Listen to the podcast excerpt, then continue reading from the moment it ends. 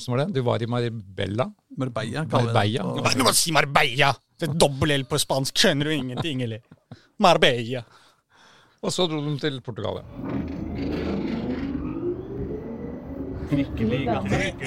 ja.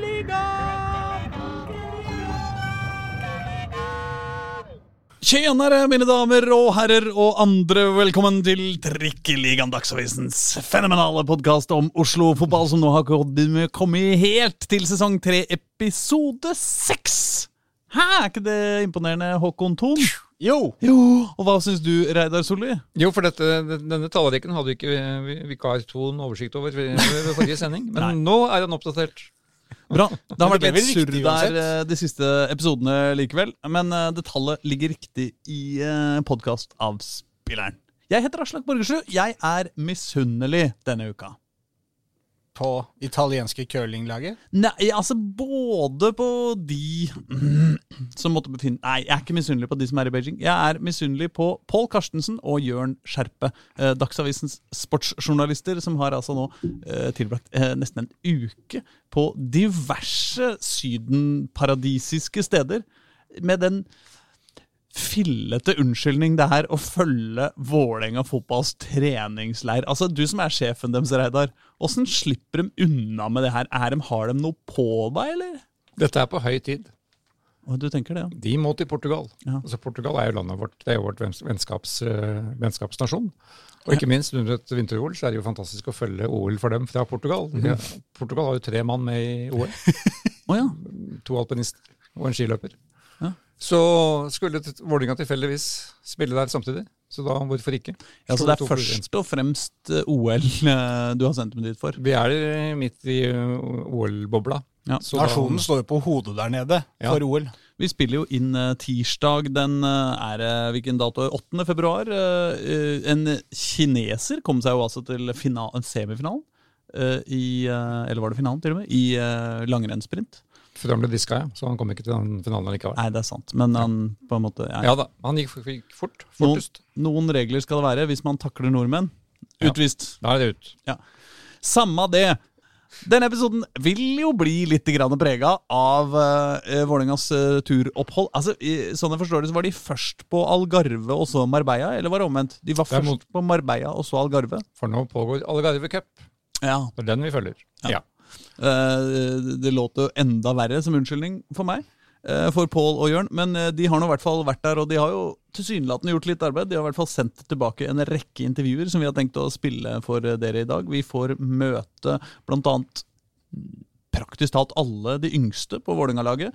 Eh, vi får møte sportssjef Jørgen Ingebrigtsen. Vi får møte Taufik Ishmael, som jo er nylig lånt inn til uh, Vålerenga. Vi får møte Christian Borchgrevink, som er uh, brys, broskskada Hva heter det? Bruskskada. Eh, og eh, Albin Mørfelt, som er ute i kulda, men med nummer ti på ryggen.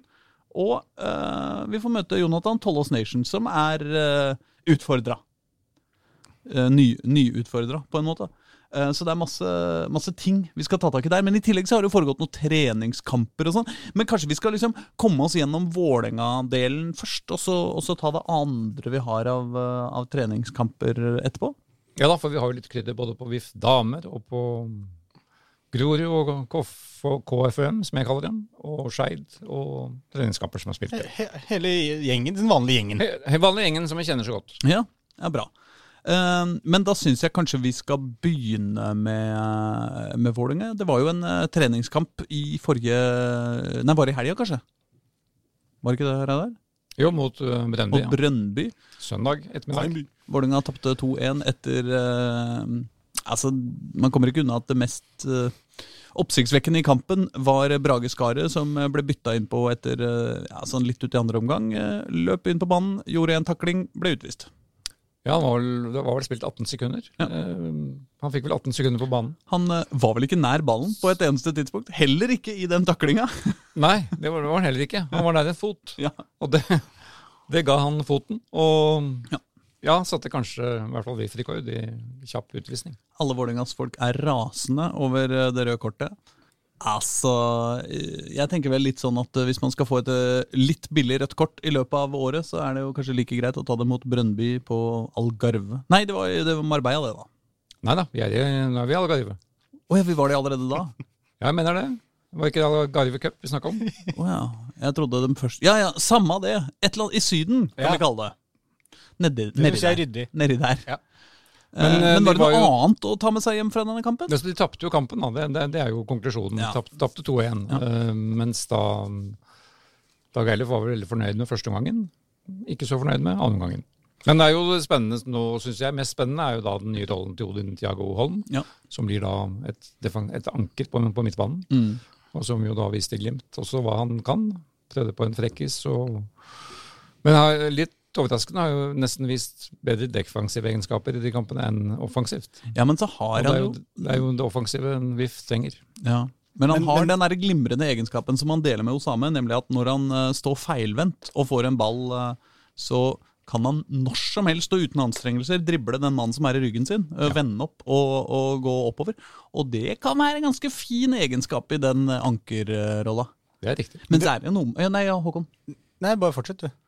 Jo, det jeg skulle si, var, var at uh, vi har jo tidligere i vinter vært litt sånn, uh, litt sånn på stuss over uh, en del valg i spillelogistikken til Vålerenga. Det har vært liksom mye rart som har skjedd, men på en måte nå med Borchgrevink som ser ut til å være skada, kanskje litt lenger enn planlagt.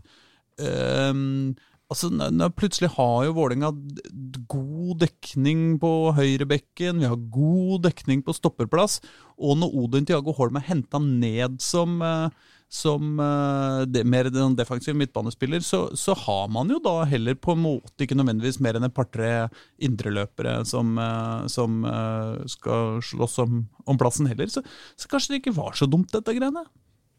Nei, jeg tror det er smart. Ja. Ja. Og så får du utnytta enda mer av Odins register, Ja. slik jeg ser det. Ja. Bå- Både defensivt og offensivt. Og så viste jo Petter Strand, eh, han eh, bergenseren, som, eller Brann-spilleren som eh, Vålerenga har kjøpt i år, viste seg også å kunne øh, vikarere på bekken hvis det skulle være nødvendig. Så da har vi trippeldekning på høyrebekk, Ja. plutselig. For Vegard Eggen Hedenstad spilte da vel ikke den kampen. Han Ja, satt jo på tribunen. Ja. Men dette er nok til stor lettelse for Henrik Bjørdal, som nå definitivt kan fastslå at han er ikke høyrebekk lenger.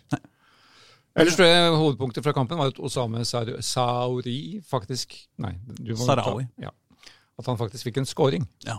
For det har han Han har jo hele tida kritisert seg sjøl for at han, eh, han leverer for få målpoeng. Og den, eh, selv, om det bare var en nesten i gåsehudene ubetydelig treningskamp, så tror jeg den skåringen betydde usedvanlig mye for han. Da kan vi helle kaldt vann i årene hans og si det var ikke så jævla fin, en scoring da.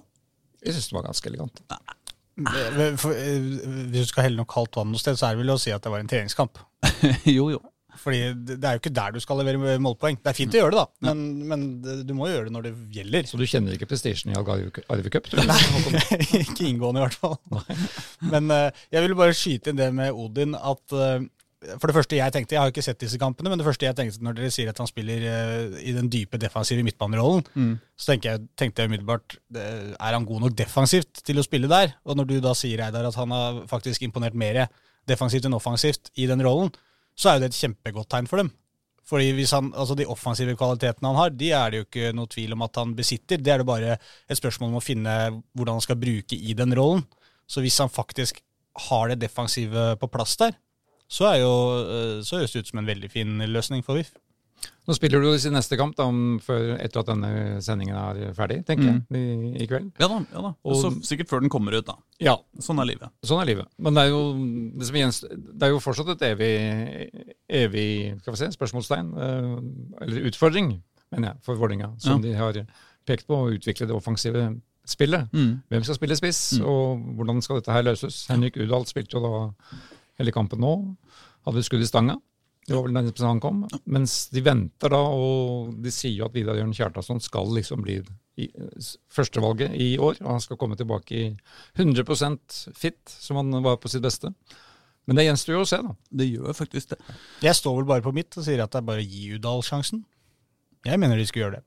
Ja, Men nå har de jo også gjort den eh, litt sånn artige manøveren å ta inn Taufik Ishmael. Men det, det, det skal vi faktisk komme litt tilbake til. Jeg lurer på om vi eh, kan f kanskje begynne med å, å hilse på uh, unggutta, jeg. Takk skal du ha. Ja, det, det, det hender jo at det er gøy.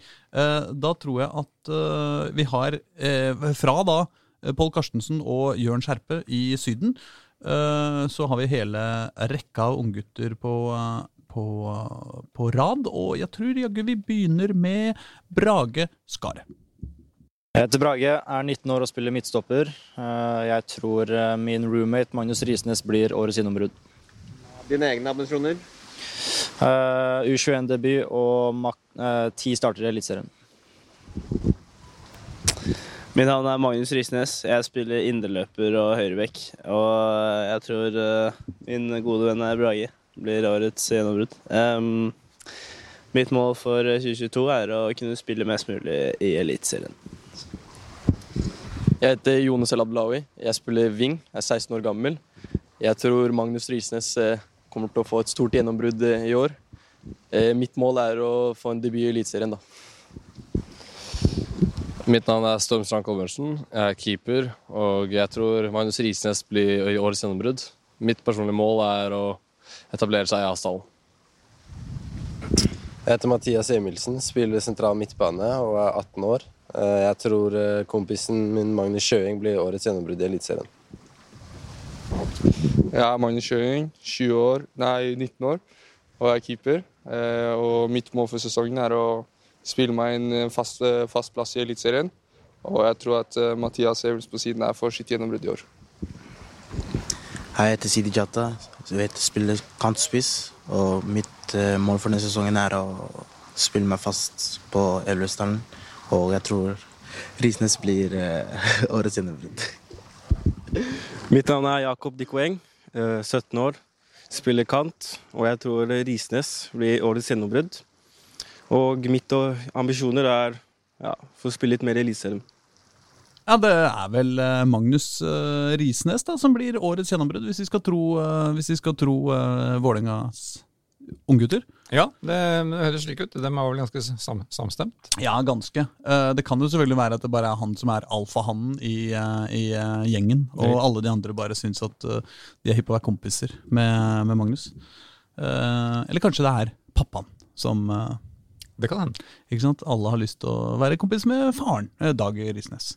Som er en gammel stor eller liten VIF-legende Ja. fra Kongsvinger. Ja, En Kongsvinger-legende også, men, men også en VIF-legende. Ja. Eh, vi skal videre, uh, men fortsette å snakke om unggutta. ung- unggutta. Eh, vi har nemlig tatt oss en liten prat med Jørgen Ingebrigtsen. den godeste sportssjefen i Vålerenga, og han må få du til å snakke litt om, eh, om eh, hvem som er på vei. Altså også ungdommen, da. Eh, Jørgen Ingebrigtsen. Hva kan du si om de som banker på døra, de som kommer opp bak?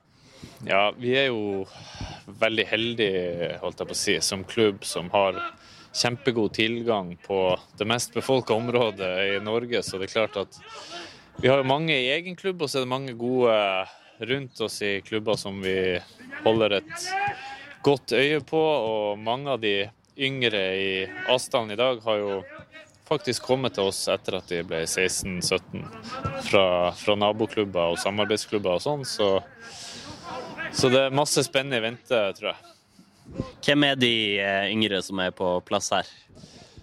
Ja, um, hvis vi går eh, hvis, vi, hvis vi tar fra Osame og nedover, da, så er det jo eh, Brage Skaret 2002. Han fikk jo noen kamper i fjor. Han, han tror jeg ser for seg at han ønsker å slå gjennom i år. Det tror vi òg kan skje. Og så er det jo et bredt 2003-kull. da, Odin jo, han har jo på en måte eh, fått spilt en del kamper i fjor. da. Jeg tror kanskje han også ønsker seg å ja, få det han kaller et gjennombrudd i løpet av året. Men, men han fikk jo spilt en god del i fjor og har gjort det bra og har starta bra i år. Eh, Men vi har jo på 03 også Mathias og, og Mathias Emilsen og Sidiata. Så har vi jo på 2004 eh, har vi jo eh, Magnus Risnes. Og så har vi jo hatt med oss to 2006-ere. Polein, Alexander Hammer Kjeldsen, han har reist hjem.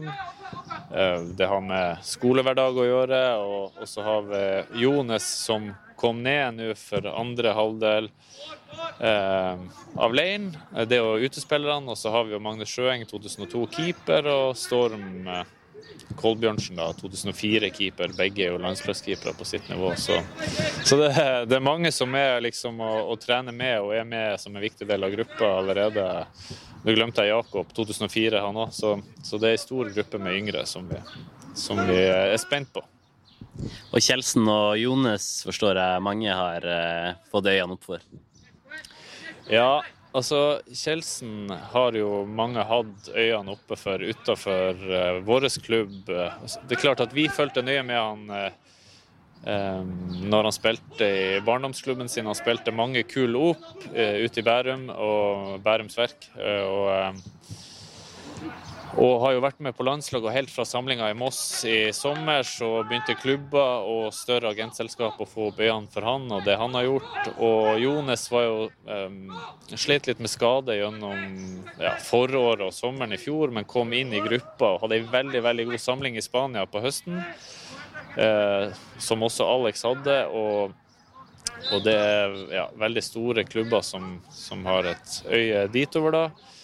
Um, og også eh, blir jeg fortalt at de største agentselskapene eh, på sine lister, rangeringslister rangerer de veldig høyt i sitt kull. Så, så det er jo selvfølgelig spennende for dem, da. Men eh, vi har jo lyst til at de skal inn hos oss først og prestere, og så få, få en god karriere etter det. Da. Så det, det er masse jobb å gjøre. Hvor mye har det å si at de havner på de agentene sine lister? Betyr det at det kommer til å være mer trykk på dem og vanskeligere å beholde dem i teorien? Ja, i teorien så gjør det sikkert det. Altså, de, Hierarkiet er som det er i fotball-Europa, så, så, det merker vi jo på. At, uh, at uh, både speidere og agentselskap og klubbene sjøl, uh, når de på en måte får får oversikt og kontroll over spillere som er hos oss, så, så har vi jevnt med henvendelser hele tida. Det er jo rett før pandemien så, så, er det jo de største klubbene i Skandinavia. Og, og sånn, de er jo på plass på Valle og ser på ja, nasjonal serie gutter 14 og 16 og ser på treninger på G19 og sånn. Så, så dette spisser seg til. Hvordan ser dere for dere bruken av ungguttene her i 2022? Dere har jo hatt suksess med utlån av spillere tidligere. og sånn. Hvor mye kan Emilsen, Dikko osv. få spille i for A-laget, eller blir de lånt ut? Ja, det er jo hele tida den balansen da som som, eh, som, trenerteam og vi som klubb eh, må finne ut av. Det, og, og det der skjæringspunktet er jo veldig vanskelig, da. Um, Nå er det jo andre klubber som har spilt veldig unge spillere og, og lokale spillere. Og, og Stabæk har vært veldig god på det over lang tid. og Nå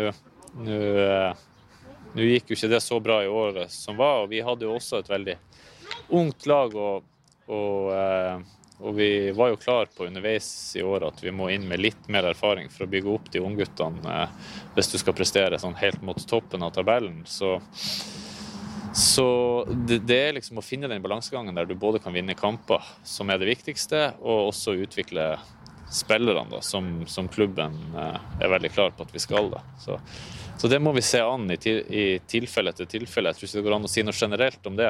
Det som er veldig positivt, er jo den regelen som kom for et par år siden. Eh, med den som heter nasjonal utlånsordning, der man kan gå på kortere og, og lengre lån for disse eh, ungguttene, sånn at man kan finne en kamparena som er god for dem. Men vi er jo veldig opptatt av at vi har Post Nord, og Post Nord har blitt veldig bra. Og i år er vi en tøff Post Nord-avdeling, så jeg er helt sikker på at det også finnes kamparena for de hos oss hvis de ikke får spilt på A-laget. Men det kan jo være um, en spiller her og en spiller der på det og det tidspunktet der det passer med et utlån. Det, det, I og med at den ordninga eksisterer, at man kan låne ut gjennom hele året, så har vi ikke noe kall det hast på det. da. Er det noen per i dag som, eh, som er aktuell for utlandet, som det har blitt snakka om utlandet i den siste tiden? Ja, altså Vi har diskutert egentlig alle de navnene som vi har vært oppe og sånn. da, Og akkurat i dag eh, så er det jo ingen som er liksom nært å gå på et lån, eller at vi nå skal han på lån eller han på lån, men hele tida vurdere hvor nært er han å få spilt i, blir han med i troppen? Hvor mye får han spilt? Det som, jeg tror vi snakka om det her en dag før, det at det er jo én kamp i uka og seks treningsdager. Så det er også den balansegangen om at vi tror at vi har et bra treningsmiljø hos oss, en bra treningsgruppe og fått en bra kultur på, på trening. sånn at det må jo òg veies opp. Eh, ja, skal man være seks dager på kall det et dårligere treningsmiljø for å få kampen, eller skal man bare seks dager å trene og få en god kamp. Så det må vi diskutere hele veien. Er det mye press utenfra, enten fra spillerne sjøl eller agentene deres, om at her må vi låne noen ut i Obos-ligaen osv.?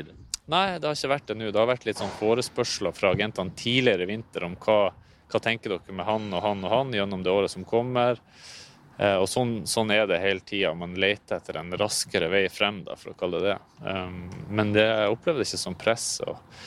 Nå har vi vært, syns jeg, når jeg ser trenerteamet jobbe, veldig god på å, å klart definere utviklingsmål og definere for spillerne hva de skal bli bedre på som enkeltspillere og som enkeltspillere i gruppa. Og det tror jeg oppleves veldig motiverende. Så det er ingen av disse ungguttene som vi snakker om nå, som, som har uh, ytra noe ønske om at nå må vi, eller ønsker å dra på et lån.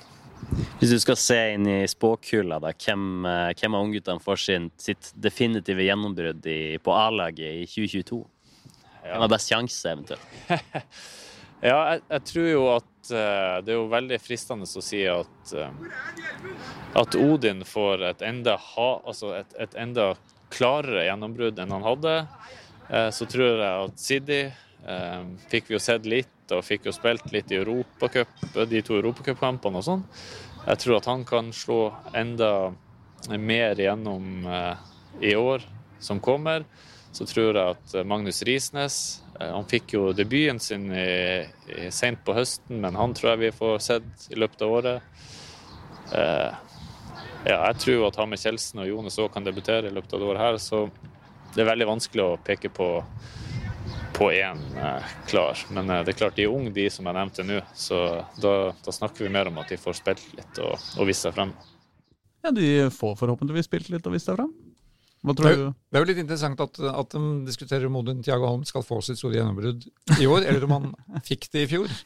ja. her, her, skiller det oss mellom lite og stort gjennombrudd. Ja. Det er vel første gang. Et, eh, et gjennomsnittlig gjennombrudd. Det ble et såkalt snittbrudd. Ja. Uh, fordi når du har gjennom på begge sider av uh, brøken, på, nei, hva heter det, av ligninga, da kan du bare ta det vekk fra begge steder. Dette lærte vi i eh, matematikkundervisninga, gutter. Hvem tror du skal skåre måla for, for Vålerenga i år, Håkon Thon? Tror du det blir Taufik Ishmael, eller en nyinnlånt uh, supervingspiss uh, som du kjenner fra før? Nei, jeg tror ikke det, egentlig. Uh, at, ikke? Nei. Hvorfor ikke? Eller, altså, jeg, jeg, liker han jo veldig godt da, som ja. spiller. Han er en spennende type. Eh, som har vært god både, var god både i Skeid i andre divisjon, var god i Fredrikstad i første divisjon eh, forrige sesong. Eh, men jeg, altså sånn, jeg, han var helt ok i første divisjon, da, i store deler også. Mm. Han gjorde en del poeng og var ganske viktig for Fredrikstad. Men han, jeg føler han skal ta noen steg da, hvis han skal bli en skikkelig markant uh, eliteseriespiller. Det kan det hende at han gjør, mm. men jeg ser jo først og fremst for meg han som en uh, vel så mye som en tilrettelegger, han òg kanskje, som en, som en målgjører. Mm. Og han er ja, han, det, han har jo et eller annet der eh, som, som, jeg syns er eh, det, det, har vi syns hele veien. Og jeg, bare, jeg må si at det kanskje jeg fremfor alt er spent da, på mm. om han tar det steget til eliteserien. For det har, gått, eh, det har gått en divisjon opp hver sesong nå. I, i tre sesonger. Dette er det, han spilte andre kan ikke, sånn kan det ikke fortsette. Ja, du kan jo det, da. Da blir du dritgod. Ja, da blir, Men altså, det er ikke noen, eh, noen eh, over Eliteserien. Jo da. Premier League, eksempel. Ja, Men det er ikke over. Du kan ikke rykke opp fra Eliteserien til Premier League. Nei, nei, da, nei, da, det er men, ikke sånn det virker. Nei da, men det fins høyere nivåer da, der ja, ute. Han skal jo til fransk fotball. Det er jo egentlig dit han har gått. Det er sant. Uh, så, så, det er klart, de også har jo sett et eller annet der. Og uh, jeg skal ikke si at han ikke kan, uh, kan være med å skåre mål heller, for det har han jo vist at han kan. Mm. Jeg er bare spent, Han har på en måte noen ferdigheter som er veldig spennende, men jeg syns noen ganger han er litt dårlig på, på valg, da. Og, og, så skal han opp mot noen enda tøffere forsvarsspillere i, uh, i Eliteserien. Kanskje ikke nødvendigvis sterkere og råere enn de i førstedivisjon, men ofte klokere og, og, og, mindre rom å boltre seg på i Eliteserien enn det er i, i førstedivisjon. Og det, det, er noe han trives veldig godt med. Så jeg jeg Kanskje ikke avfeie han helt, men jeg, det er vel ikke jeg er usikker på om han er på en måte den endelige løsninga. Men nå satt vi jo før forrige sesong og sa at nå er det Dønnum og nå er det Lajoni, og nå ser alt veldig bra ut. Og så blei det litt sånn ja, Dønnum var god, men Lajoni var det ikke. og Det, det gikk litt sånn på halv maskin eh, iblant offensivt for uh, Vålerenga. Mm. Kanskje eh, Tafik gjør motsatt. da, at, jeg, at vi går inn med litt sånn mer spent og litt usikker på om han faktisk eh, har nivået inne, og så kanskje han overbeviser stort isteden. Men eh, jeg tror ikke det er han som skal skåre mål der for VIF. Vi kan i hvert fall eh, høre hva han, hva han sier sjøl. Og det er jo, kan jo være interessant, det også. How is it to uh, to be here in Portugal with your new team? Yeah, it's, uh, it's been fun and I get to meet them. Most, mo- everyone is so nice and uh, yeah, I'm, I'm settling in well. Uh, I understand you had a long travel uh, behind you. Are you tired now? And uh, Yeah, I was tired, but I rested uh, yesterday and today. You know, like uh, the training was really good, and we didn't really like uh, do so much. So yeah, it's, it's it's been good. why did you choose to come to uh, Vålerenga? Um, I feel that they're they're they're, they're really good, and I can develop my game a lot, and obviously work with the coach. So yeah, I'm looking forward to it, and there's so many great players also that you can actually learn from. So yeah. Is it difficult uh, to know that you're going to France in in the summer and kind of you're just going to be here a few months? How is that? Uh, Yeah, like I said, you know, the I just need to.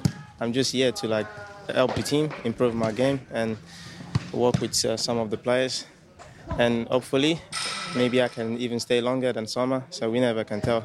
So let, let's see.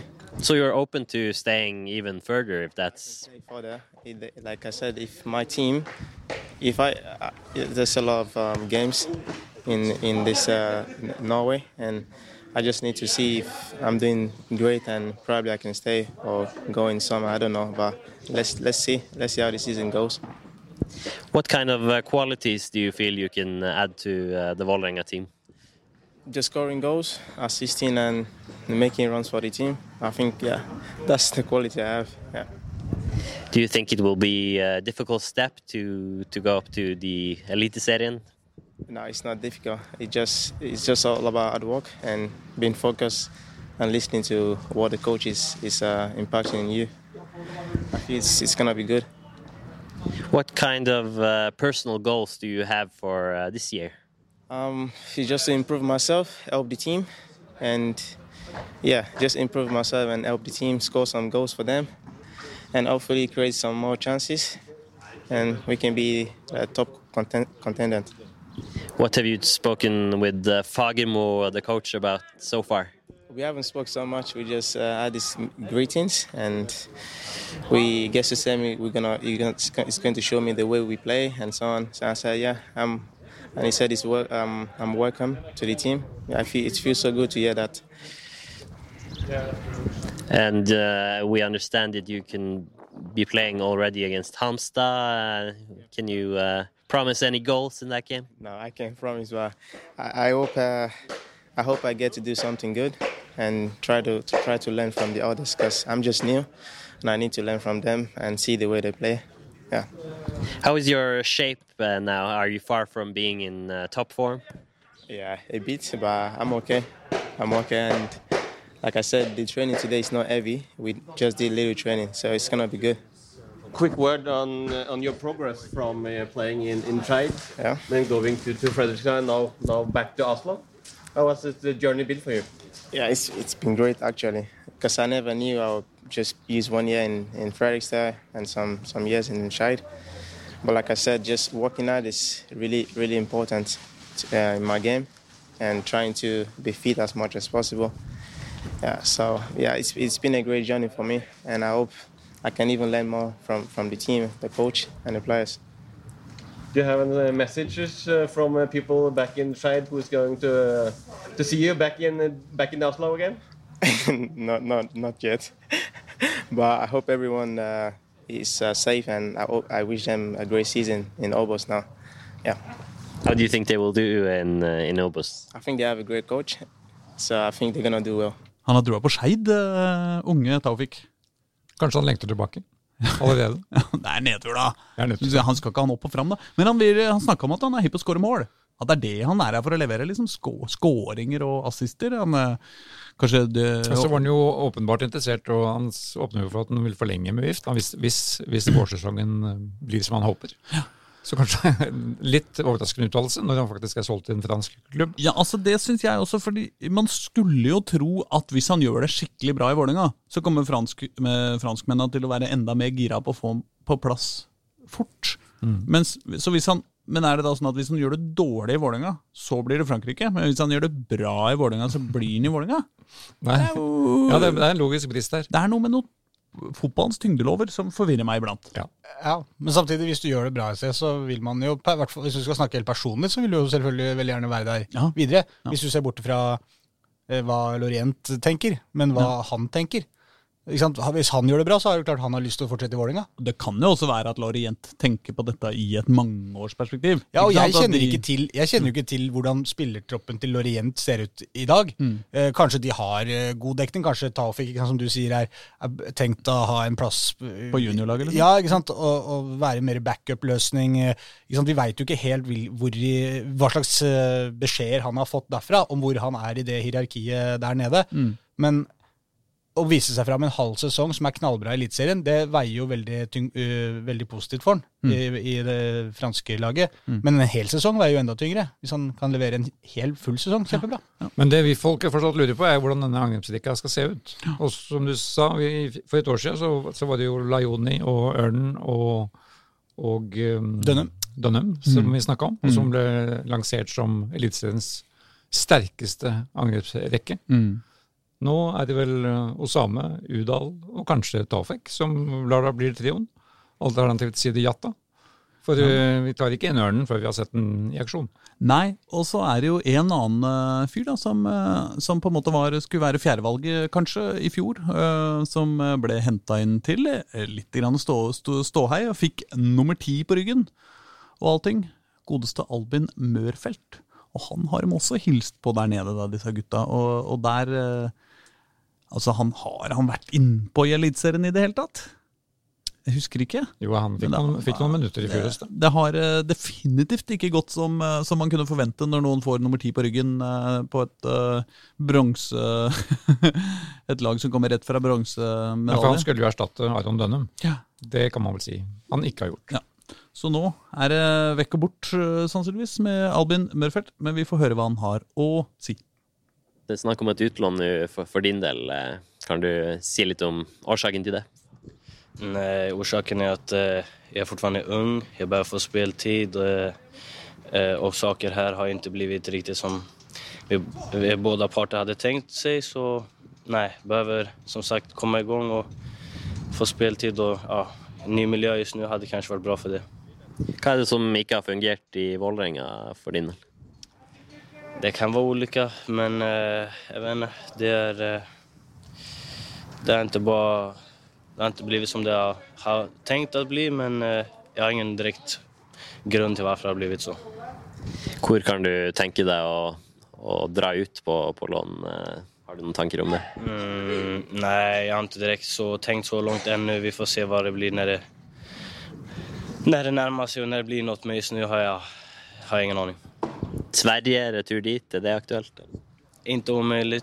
Eh, trivdes bra da jeg var der senest, eller jeg har alltid vært der. Så trives bra der, så det er alt klart öppen for det.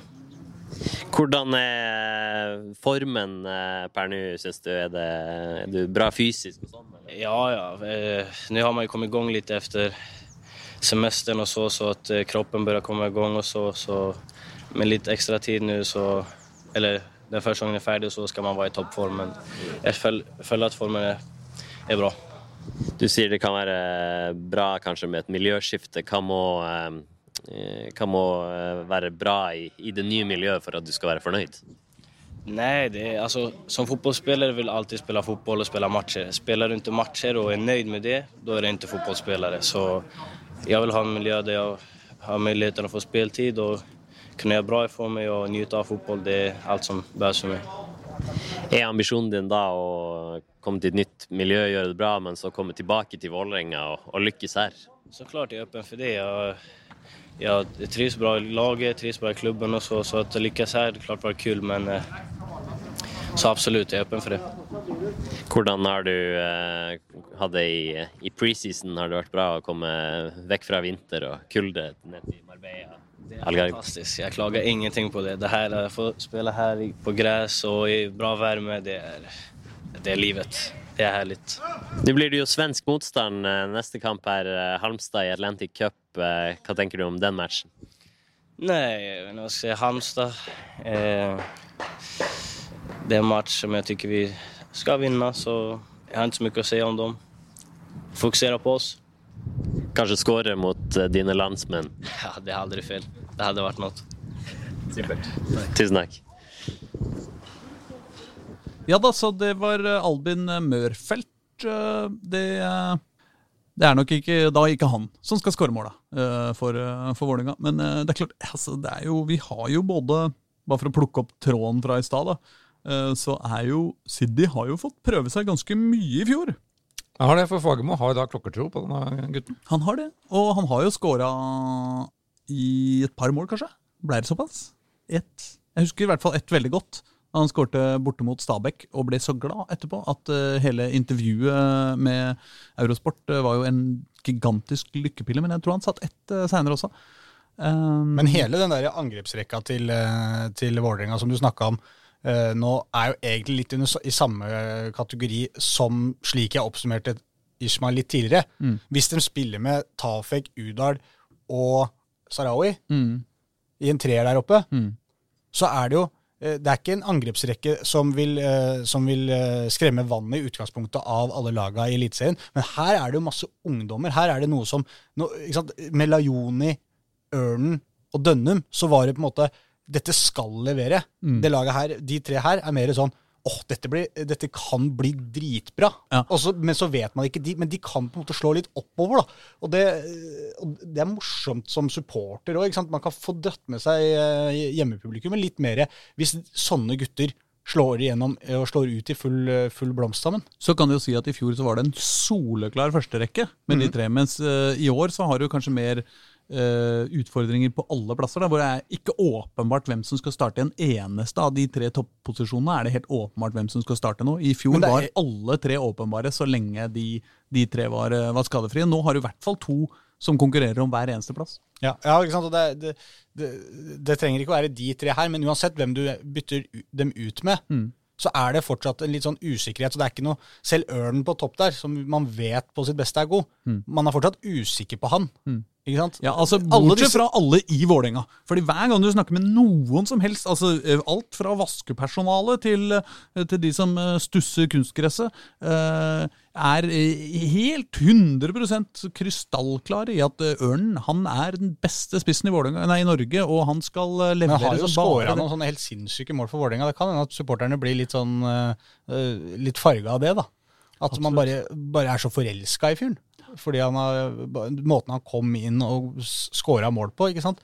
Da ble han så stor uh, umiddelbart. Så, eh, for meg sett utenfra så er det ikke noe sånn Jeg tenker ikke at, de, at han er noe, en fantastisk uh, spiss. Ja, han var det da han, da han var god, for å si det sånn. Det er vel det, er det som hele tida er problemet her. At dem, sånn I fjor også gikk de og venta på at han skulle på en måte slå gjennom. men De ga han så mye spilletid, Mm. så mange sjanser. og du, du, Det kan godt hende de kasta bort en del poeng på det, faktisk. At de ikke slapp til Udal det litt mer. Jeg, jeg sier ikke at Udal er det klare førstevalget på spissplass, for jeg også skjønner jo at du gjerne, hvis Kjartansson kommer i gang, så er han en bedre spiss.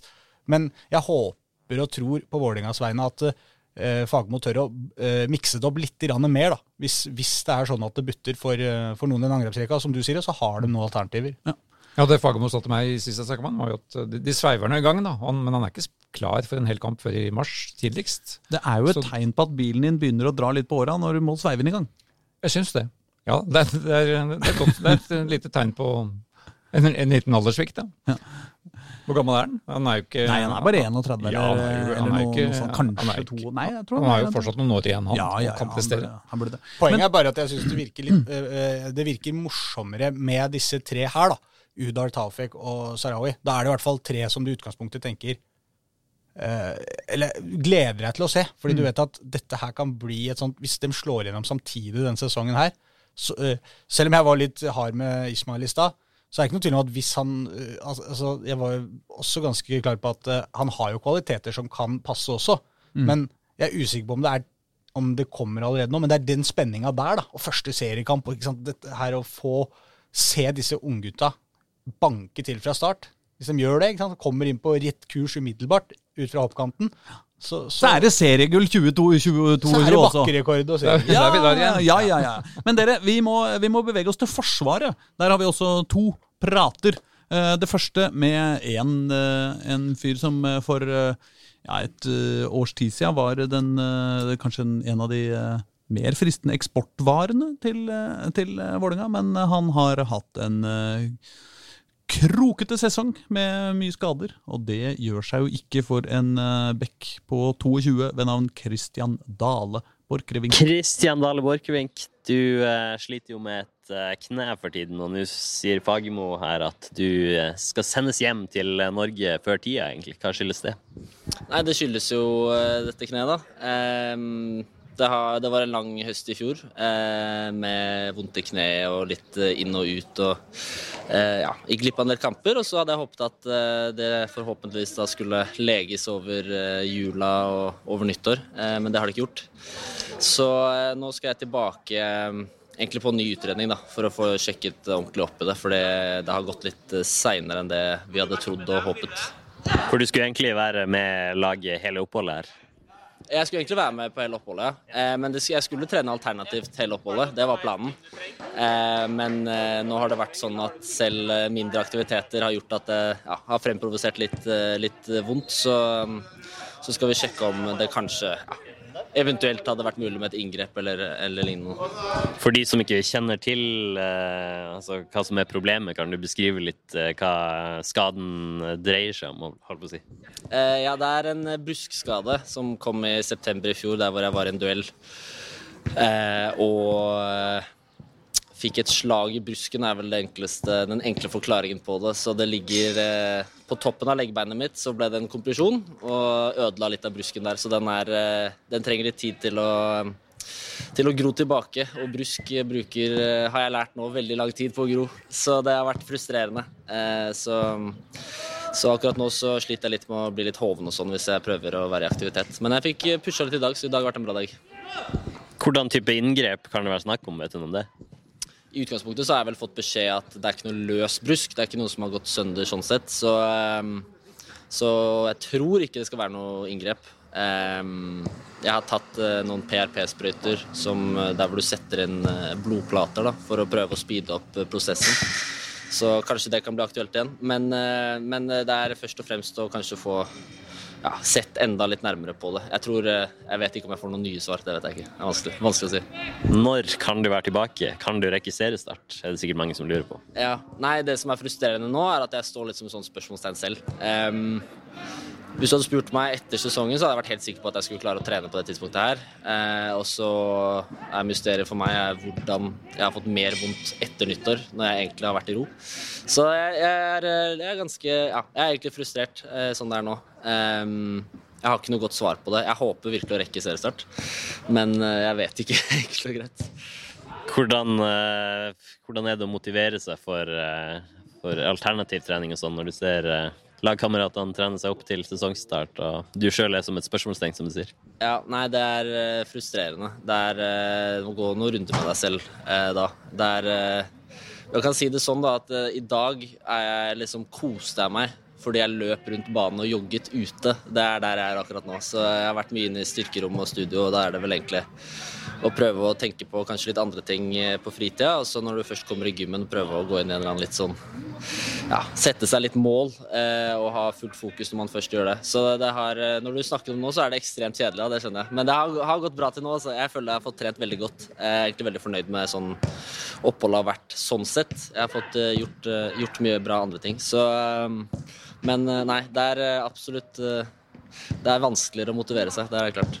Hvordan legger du opp planen mentalt? Er det på en måte dag for dag, eller klarer du å ha en lengre horisont på det? Eller? Nei, jeg har jo ganske sånn Jeg har hatt et ganske sånn rigid program egentlig fra vi møttes i midten av januar. Helt til nå så var det snakk om at det var fire uker der hvor jeg skulle trene alternativt. Og det er jo nå inne i siste uka nå, i løpet av neste uke. Eh, og da er det beinøkter, så jeg har visst veldig godt hva jeg skal gjøre hver dag. Eh, så planen har vært veldig klar sånn sett. Og så er det vært å sette seg litt mål for kanskje å øke litt styrke i overkropp og øke litt styrke i bein. Og, eh, ja. og så igjen da kunne kanskje eh, gjøre litt mer aktivitet i form av kne, sånn som i dag. da, Og sette seg sånne små mål hele tida. Eh, så ja, så forhåpentlig så kan jeg kanskje ta og plukke litt ekstrapoeng der. da, Så når jeg først er tilbake, så skal jeg være litt større og sterkere og, og litt sånn. da. Mulig du må svare diplomatisk på det, men er du redd for å miste plassen på høyrebekken, som du sliter med skade og kan miste seriestarten? Ja, nå tror jeg du skal få et diplomatisk svar, ja. Det tror jeg. Eh, redd? Jeg tror ikke Jeg tror aldri Hvis jeg hadde vært redd, så hadde jeg ikke drevet på med det. Eh, det er helt klart at det er konkurranse. Vegard er en kjempebra back, og i tillegg så spilte Petter som en, en back som hadde spilt i alle år eh, i kampen i går. Og i tillegg så ja, Vi har masse folk som kan spille der, men eh, men jeg hadde ikke vært der hvis ikke jeg hadde hatt tro på meg selv og, og trodd at jeg kunne spille. Um, men uh, det er litt vanskelig å ha fokus på alt det der. Akkurat nå så er det liksom eneste fokus bare å få det kneet bra igjen, og så får jeg ta, ta opp kampen når jeg, er, når jeg har kommet så langt. Det var Borch. Det var brusk i, i lusken. Og han reiser hjem fra, fra, fra Syden. Uh, og det, uh, med, med, tanke på å kanskje operere, det, eller et inngrep, som man kalte det, det kan ikke bety noe annet enn operasjon? det kan det? Inngrep og operasjon det er synonymt. likestilt. Ja. Ja. Uh, nei, det er ikke noe godt, godt signal, nei. nei.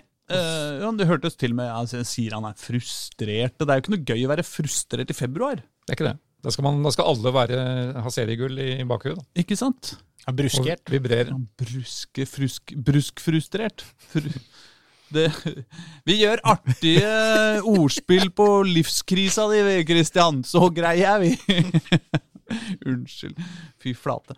Uh, men uh, vi har jo da uh, heldigvis Vegard Eggen Hedenstad til å, til å ta den posisjonen. Sånn at kan bare, du kan bare bli frisk med Ta den tida du trenger, du, Kristian. Det er bare karriera di det går utover. Vålerenga skal greie seg bra. Men da kan vi bevege oss over på, uh, på sistemann som Bjørn og Pål har uh, grabba tak i i Syden. Og det er stopperkjempe Jonathan Tollås Nation. Yes, Jonathan Tollås Nation, da er dere på plass i Algarve, i solfylte, solfylt Algarve. Vekk fra sneen. Hvordan føles det å være på plass på tre? Nei, det er veldig bra. Veldig fint der. Det var også veldig fint på Marbella. Det Treningsfasilitetene på Marbella er jo kanskje enda bedre, men uh, kan ikke klage på det her. Bra gressmatte og fint vær og fint hotell. Så det, vi er veldig fornøyd med det. To uh, store isposer, eller hva det er på knærne i dag. Kan du fortelle noe om uh, den situasjonen? Nei, det, for å si det sånn, sånn har det sett ut de siste to åra. Så, og sånn kommer det til å se ut resten av karrieren min. Det, det, er egentlig bare precaution, bare for å være på den sikre sida. Kunne sikkert latt være å gjøre det, men jeg tør ikke å tør ikke å la være. Så det er egentlig ingen, ingenting jeg sliter med nå. Det er bare ja, for sikkerhets skyld. Eh, Dag Eluf sier at per i dag så er Ivan Nesberg og nykommer Bjarnason det foretrukne stopperparet, mens du bygger deg opp. Eh, hva tenker du om situasjonen sjøl? Først og fremst er det ekstra konkurranse på stopperplass på flere posisjoner, som er helt, vi er helt avhengig av hvis vi skal være med og kjempe i toppen og være et stabil toppklubb. Så Da er det opp til meg å gjøre jobben for å være god nok til å spille. Og Det er samme for Ivan, samme for Bjarnason og Brage og alle som er stoppere. Vi må det er ja, tøff konkurranse, så det kommer til å skjerpe alle på hver trening. Eh, og som jeg sa, andre posisjoner også som er tøff konkurranse, som kommer til å sørge for at alle kommer skjerpa til hver trening, som vil øke kvaliteten på treningene. og ja, da forhåpentligvis gjør oss et topplag uavhengig av hvem som spiller. Så ja, det er sånn, Vi er helt avhengig av å ha den konkurransen for å, eh, for å bli topplag. Og så når serien starter, så skal jeg være på laget. Er det motiverende eller irriterende å, en, å høre noe sånt fra sjefen? Hvis Det er motiverende. Altså det, det jo, jeg har vært i game i mange år. Så jeg vet akkurat hvordan dette er. Det, det er mange som ønsker å spille.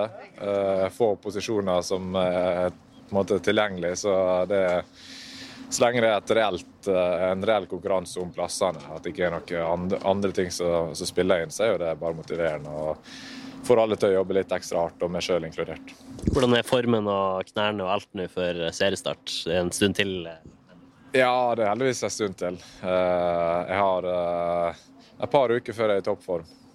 Helt til sist, eh, kontraktsituasjonen din snakka vi jo mye om i fjor, men det blir jo samme tema i år nå som det har et år igjen, mindre enn et år igjen. Hva, hva tenker du om eh, kontraktsituasjonen din? Altså, nå har det vært så mye snakk om den siste to åra at nå, altså, nå har jeg ett år igjen her i Vålerenga. Og, og hva som skjer med den eh, skjer etter det, det får vi ta når det nærmer seg sommer og høst. For at akkurat nå så vil jeg bare fokusere på å komme i toppform og bli klar til seriestart. Og være inne på laget til seriestart. Det er mitt eneste fokus. Supert. Da får du rekke bussen. Takk, takk. det er irriterende, vet du. Stakkars Jonathan. Jørn og Pål bare Ja, men kontrakta, kontrakta. Ah, akkurat vært gjennom så mye mas med de her kontraktene i vinter og sånn. Og eh, Han følger den gamle, gode oppskriften. Vi tar ett år av gangen. Det er han god på. Ja da. Og det, det, men eh, nå, nå blir det jo åpenbart eh, litt tøffere konkurranse enn det har vært i det siste. Ja da. Jeg syns jo det var morsomt han da Vålinga eh, tvitra at de, de tvitra en sånn der signeringshånd, ikke sant? Sånn, sånn for å skape stemning. Og så, og så tvitrer eh, Tollås tilbake en halvtur trebeinshånd eller kalvbein, hjulbein, et eller annet sånt, da, eh, med spørsmålstegn etter. Eh, og så og så er det en islending som kommer eh, som skal konkurrere med Tollås sjøl om plassen. Det, det, var, det var friskt, Tollås. Kaller hovedkonkurrenten sin for halvtur trebeinshånd. Ja. Men Tollås takler det, vet du. Det gjør nok. Men så var det jo også da et litt interessant poeng, syns jeg, at denne makkeren hans fra i fjor, Ivan Mm. Nesberg, som da mm, også har fått veldig relativt mye mas om sin kontraktsforhold til VIF, um, og som åpenbart ønsker seg drømmer om Europa. Mm. Han ble da kaptein i den første kampen mot, uh, mot Brøndby. Ja, og det... Så um, Fagermo vil, vil bruke den. Og alt tyder på at han uh, ikke er, er på vei noe annet sted. Så det skal VIF være glad for per i dag. Ja, eh, Så får vi se til sommeren, da. Ja. Uh, jeg tror eh, det skal renne mye vann i, uh, i uh, Vallefaret. Nei, hva heter den bekken der oppe? som går ned Hovinbekken. Ja, Hovinbekken, ja. Skal renne mye vann i Hovinbekken før uh, Ivan Det for renner, Ivan, det renner sjelden mye vann i hovindbekken. Ja, det gjør det. Det må regne noe jævlig, da. Ja. Så- men så er det jo rør, da. Eh, men før den går ned i rør Det er noe forbanna rør, hele greia. Ja, ja. ja. ja, ja. den ødelegger Valle Hovin eh, Nei, men Jordal Amfi og alt mulig. Samme det. ja. Ivan kommer til å gå til sommeren. Det var bare dit jeg skulle. Med litt sånn blomstrende språk, da. Men, ja, ja, det var eh, flott og billig talt. Det er lov å prøve. Ja, du kan si at det krysser Hovinbekken og går, reiser ut i Europa. Ja, men jeg vil jo ikke da være på den samme sida av Hovinbekken Det spørs jo hvor han reiser, det, da. Ja, ja. ja altså, hvis du er eh, oppe hos deg på Økeren, så må du jo krysse Hovinbekken for å komme deg til Europa. Eller hos deg på Ja, samme av det. uh? Har det skjedd noe annet i, uh, i Oslo-fotballen enn eh, at Vålerenga har vært i Syden, Reidar Solli? Ja, Vi har jo da mest fokus rundt våre tre lag i Obos-ligaen. Og da var jo da Alle disse her spiller jo kamper i ett sett. Mm. Og K5 er kanskje de som ser Som har den smuteste veien så langt. De har hatt to kamper på rad nå. Den forrige har vi snakka om, kanskje. Den de slo Skeid første gang i 2-0. Og så hadde de Moss nå i helgen og vant 2-0 igjen Ja. på Ekeberg. Og der virker det som alt eh, Mye er på stell. Selv om ikke Moss kanskje er av eh, øverste nivå. Det er jo divisjonen under. Men har da mm, vår gamle keeper, landslagskeeper Thomas. Har de, har de Thomas Myhre? Thomas Myhre som sportssjef. Og som sportssjef, ja. Og Jeg ikke han minst den gamle lagde- Jeg trodde han drev å lage pizza, ja. Ja, det, ja, det gjør han også ved siden av. Oh, ja. Men eh, også ikke minst den gamle VIF Beck, Høyrebekk, Bengt Eriksen, som daglig leder. Som Moss har eh, inn i en ny, ny, ny hverdag. Men de er jo tilhører ikke Trikkeligaen, så det bryr vi oss ikke om. Men det var da Johannes Nunes og Aron Kild Olsen som skårte målene for K5 denne gangen. Så hvor Jørgen Isnes var tilsynelatende fornøyd med det meste. Og så var jeg da også på Grorud, som da hadde Kjelsås i LSK-hallen her. Lørdag. lørdag. Grorud Kjelsås? eh, Og Det var første kampen til Kjelsås i år, og masse sykdom, så Eivind Kampen var virka relativt skeptisk før kampstart. Mm. Men, um, og Grorud gikk ut til 100 og dominerte fullstendig i første kvarteret. Og så skjønte Kjelsås at her var det mulig å gjøre noe. Og så dukka det opp en kar som uh, vel det flest, for det store Oslo-publikum ingen har hørt om. Jakob Blikst Flaten. Ja, men navnet Blikst føler jeg vi har hørt om. Ja da. Han kom da fra Vålerenga til Kjelsås foran fjorårssesongen. Ja. Og så ødela han kneet sitt på første trening. Og ble ute hele sesongen. Men så har han da blitt bygd opp gjennom vinteren, og nå er han klar. Og skårte to fantastiske mål. Oi. Kampens to eneste mål, så Kjelsås vant 2-0. Knallharde skudd med venstrebeinet fra 18-20 meter. Ene kjapt ned i hjørnet, den andre rett opp i vinkelen. Ja, Den andre der er, er sånn ordentlig deilig, fordi den tar i tverrleggeren og går ned på streken og ut av mål. Eller på riktig side av streken og ut av mål igjen, da. Men det er sånn, det er sånn ordentlig sånn deilig, sånn knallhardt opp i tverra, og så får du den skruen ned inn i mål og ut igjen. Jeg liker det godt, jeg. Ja, det er deilig, det. Så han er jo da en vi kalte en gratis forsterkning, på sett og vis, for Kjelsås. Ja, gratis og gratis. De Så har det jo måttet lønne et års tid, da. Ja, ja men men han- betaler vel sikkert bare får... gratis kort på Teknisk museum der oppe, så det går bra. Men det kan jo virke som at eh, den, eh, det de betalte for å han skulle bygge seg opp det gjennom den eh, forrige sesongen, eh, lønte seg, da. For det virker som han har, eh, han har øvd på et eller annet, i hvert fall. Det, Ja da, så var det ikke bare skåringene, men også måten han spilte på. Han var en veldig drivkraft på den midtbanen, som da mangla Jesper Solli, som var ute med sykdom. Mm. Så han gikk rett og slett inn og erstatta han. Men hvilken, hvilken posisjon spiller han i? Spiller på midtbanen. Ja, men sånn litt mer detaljert, nei? Ja, ja. Han, han var uh, sentral på den midtbanen, og det drev Kjelsås-spillet på sett og vis. Men vi, altså, nå skal ikke vi konkludere for heftig etter å ha sett den i én treningskamp. Men jeg syns jo dette var veldig løfterikt. Skal ikke vi bygge entusiasme og være glad og ha overdreven tro på våre egne, våre egne folk, da? Det gjør vi hvert minutt. Jeg ble superentusiast med en gang. Ja. Det blir eh, Blikståret eh, 2022. Blikståret på Kjelsås, ja. Men eh, det er jo ikke Kjelsås som er i Obos-ligaen, det er jo Grorud. Nei, men i, i 2023 er de jo det. Ja. Men hvis Blikst eh, Ja, gjør det, er vi forventer av ham Hvis Blikst får han sammen med Solja, ja. Jo, jo. ja, Tenk dere det, da. Så Grorud eh, hadde da det mm, motsatte. Inter nei, hva skulle jeg si? Uh, Grorud hadde jo ballen mest og styrte kampen mest, Mm. men uh, skapte jo nesten ingen sjanser. Så det var litt bekymringsfullt for eh, Johan Jønnes Nilsen om uh, effektiviteten og det som skjedde foran. Men hva med han, han fra Nordstrand som vi var så entusiastiske på at skulle skåre målet for Grorud i år? Bjørn Martin Christensen. Bjørn Martin Christensen. Han spilte uh, annen omgang. ja. Det, Ja. De hadde to forskjellige spisspar. Så han kom inn etter pause og fikk gult kort etter 20 sekunder.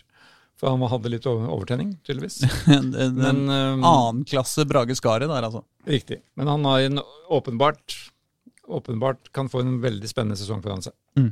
Så nei da. Men som jeg var inne på i stad, det er ikke- har- Grorud har masse spennende på gang. Det er jo ikke i treningskampene du trenger å score. Hvis han gjør i seriespillet, så holder de massevis. Så Grorud brukte vel 20 spillere da, i denne kampen her. Og har en ny kamp mot Skeid på fredag, hvor de skal også bruke 20-30 spillere. Ja. Før den begynner å stramme inn. Jeg husker før eh, fjorårssesongen, var det ikke det? Eller var det for to år siden, hvor han eh, hvor, det, hvor Vålerenga spilte noen fantastiske treningskamper i vinter, og eh, han det var en kar som skåra tre langskudd i krøsset i løpet av, i løpet av vintersesongen. Husker du hvem jeg mener da? Hvor, er, hvor langt er du tilbake nå? Nei, jeg, to, jeg tror jeg er to år tilbake. Han, eh, Det er for, det er for nylig for meg. det. eh, han eh, endte opp med Han ble solgt eller gitt bort eller et eller annet sånt nede i Sandefjord eller noe sånt. David gang. Vega? Vega, ja! David Vega. Han var så god i den derre Helt sånn wow, her er Vålerenga en ny stjerne! Dette er jo helt supert! Og så bare skjedde det ingenting mer. Men apropos David Vega. Ja. Eh, skal vi ta det? Å, har vi David Vega-nyheter? Ja, ja. Nei! Ja, det er bare fordi han har spilt mot, uh, oh, ja. mot Skeid. For de har jo møtt Sandefjord, og David Vega scora. Med, Med et langskudd. Nei! Jo. Er det sant? Ja. Eh, Det er helt sant. Han er, eh, han er vintersesongens Han burde altså komme seg til en liga hvor de spiller om vinteren. Ja. Men han tenkte kanskje det at Norge er jo vinter hele året, så han dro hit, da. Ja. Men eh, så feil kan man ta. Ja, ja. På, eh, I Vestfolds solkyst så ble det mm, 2-0-seier til eh, Sandefjord over Skeid. Det var greit jeg hoppa dit nå, Reidar. Du kikker ned på papirene dine. Ja, ja, Har jeg ødelagt systemet her nå? Dette er helt logisk. Ja. By bygde en fin bro der med David Vega. Ja, ja, ja. ja flott. Um, det var jo sånn at vi fikk en litt merkelig sending fra Direktesport, hvor det bare var, ja, var rundt 40 minutter kanskje før det hele brast. Og Ja. det kom noe spede forsøk på å sette opp uh, utstyr igjen uh, i ny og ne, men jeg fikk egentlig ikke sett noen ting av, uh, av andreomgangen. Skeid også kjørte jo da litt sånn à la Grorud her, med, med to, to elvere. da, En i første omgang og en i andre omgang. Så var det Franklin Daddy's Boy, mannen med det mest unike navnet i norsk fotball. Daddy's Boy, som skåra Jeg veit ikke om han fikk målet. Han skjøt vel via Altai i tverrleggeren, og så var det vel en retur som ble hedda inn der til slutt av Sandefjord. Men det er ikke så interessant med disse måla til Sandefjord. Det vi kan nevne, er at i hvert fall jeg syns denne Nordengen, Nordengen, Erik Nordengen som kom fra Fram Så han var jo på sånn sett ganske kjente trakter i Sandefjord. Uh, han var god, syns jeg. Eller det lille jeg fikk sett da, av han. Han spilte førsteomgangen. Hadde en, uh, hadde en blant annet et veldig godt innlegg til uh, Budusson, som kanskje kunne ha skåra på. Var ikke sånn, var ikke sånn kjempemiss, han. Uh, var et bra, bra, forsøk i det hele tatt av Skeid med Nordengen og Budson. Han var frampå et par ganger til og, og, viste gode takter, i hvert fall, syns jeg, denne mm. Nordengen. Så, så, han var Jeg syns også Budusson var uh, frisk. Vi har jo en viss tradisjon med folk som heter Nordengen i Oslo. Ja. Uh, vet ikke om det er noe kobling til Albert, men Til Albert, ja. Han uh, Nei, altså eneste jeg husker om Albert Nordengen og, og, sport, var jo at han åpna Oslo Spektrum. Ja. Og, fikk, holdt en altfor lang tale. Og fikk unison buing, pipekonsert og til slutt taktfaste 'Vi vil ha hockey'-rop fra begge lags supportere. Ja, bra. For det er det vi vil ha. Absolutt. Ja. Hva heter laget? Spektrum Flyers? Nei, det var ikke Spektrum Flyers, Nei. men det var eh, da Spektrum åpna første sesongen i okay. Oslo Spektrum. Tror jeg bare Vålerenga hadde det som hjemmebane før eh, MS og Furuset og hva det nå var. Mm. Fant sammen i dette mm, Frankenstein-monsteret Spektrum Flyers, som heldigvis døde fort. Ja, holdt på å ta livet av begge klubbene, for så vidt. Ja. Spektrum Flyers. Men det er noe, det er ishockey. Ja, ja, ja. Uh, i Sandefjord. Ja, det, det er litt, uh, litt, vanskelig å trekke frem så mye i og med at det ble en sånn broket sending, men, uh, men Budesson syns jeg var bra, og det var hyggelig å se. Og Han er tilbake, kjempa godt på topp der, vant masse dueller og, og, klarte å gjøre akkurat den jobben han er satt til å gjøre. Mm. Holde på kula, få med seg medspillere. Skapte trøbbel, var bra. Jeg synes ikke egentlig, altså Dette er jo et eliteserielag som Skeid møter. Jeg syns egentlig at de de holdt ganske bra følge. De, de, jeg ser de fleste sier at Sandefjord var det beste laget, og det får vi vel bare tro dem på i og med at ikke man fikk sett hele kampen. Men eh, av det jeg så i første gangen, ja, Sandefjord kanskje litt bedre, og de hadde den kvaliteten. Så, litt sånn typisk cupkamp for et eliteserielag.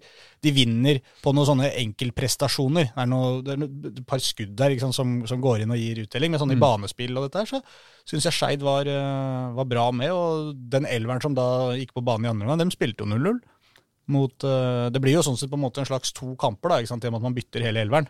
Hadde det ikke vært like greit når man spiller de der eh, bytter hele laget på Kunne vi ikke hatt to kamper bytte-bytte? Jo, K5 latt, Det skal de ha mot Grorud på fredag. Ja, skal det, på den måten. At de stiller to hele elvere som spiller 90 etter hverandre. For det er jo meningsløst å bare spille 45 hvis du først skal bytte hele laget. Ja, K5 snakka om dette forrige sesong, husker jeg. De skulle egentlig spille en sånn dobbeltmatch mot Strømmen. Så blei det vel eh, Strømmen hadde plutselig ikke nok spillere, eller et eller annet, så da blei det bare én isteden. Men eh, ja, det er jo folk sysler med dette her òg. Ja, det er jo sikkert kjedelig for treneren, da.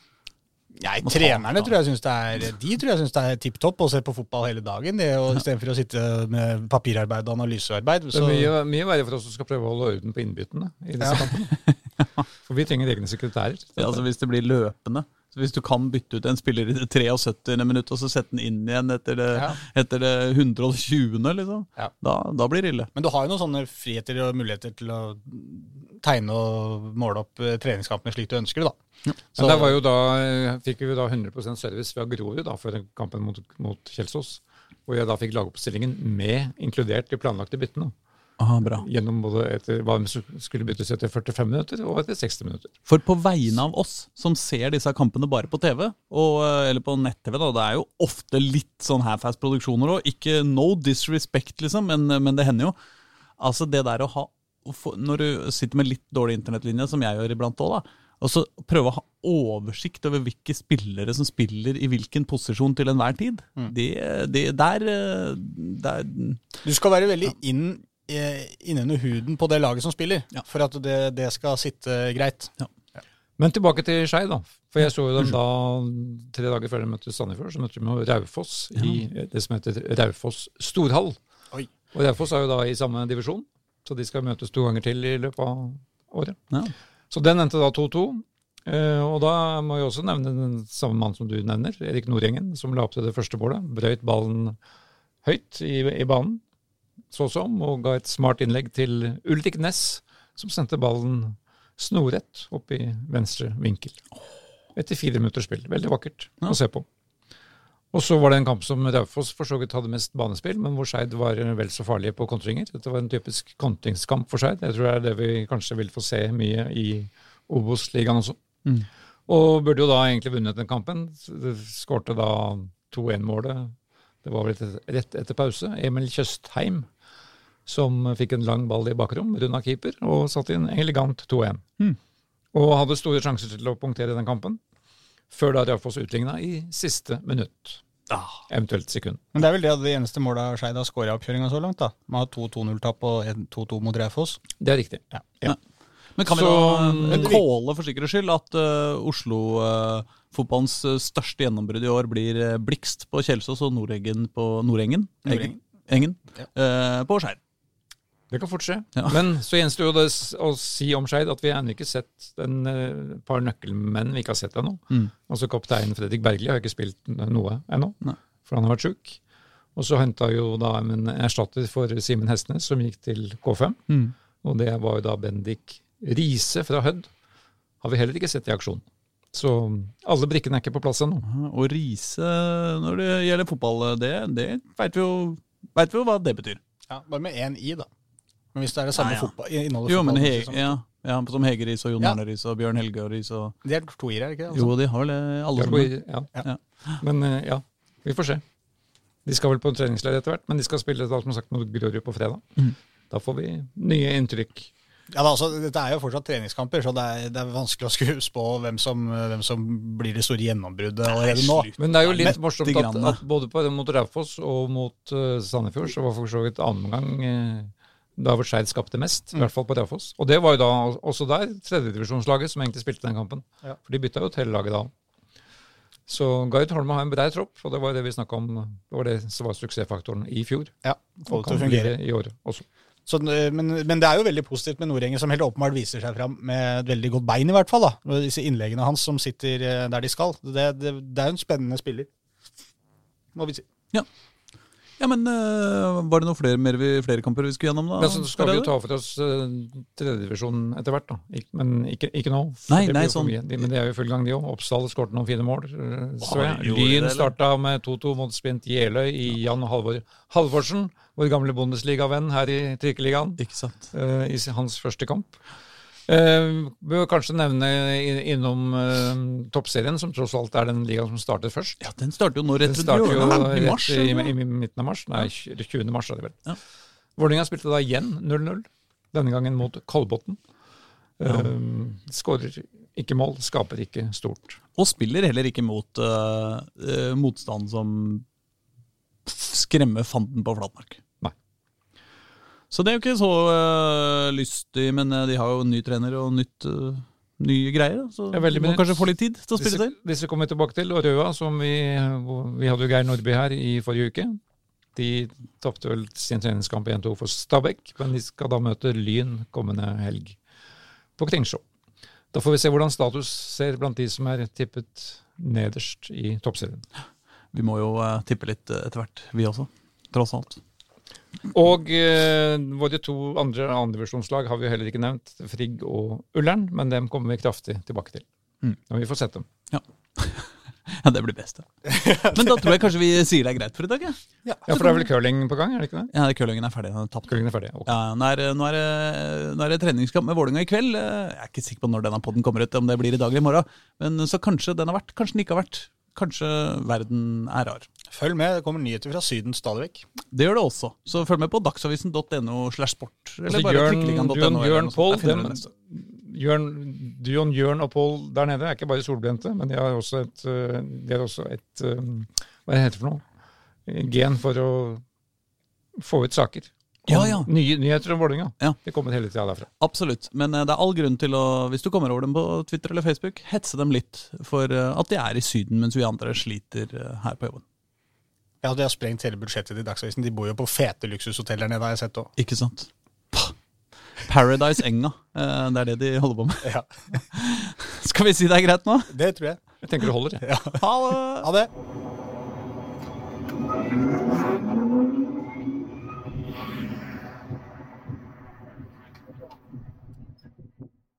Du har hørt en podkast fra Dagsavisen. Ansvarlig redaktør heter Andreas Heen Haaland Karlsen.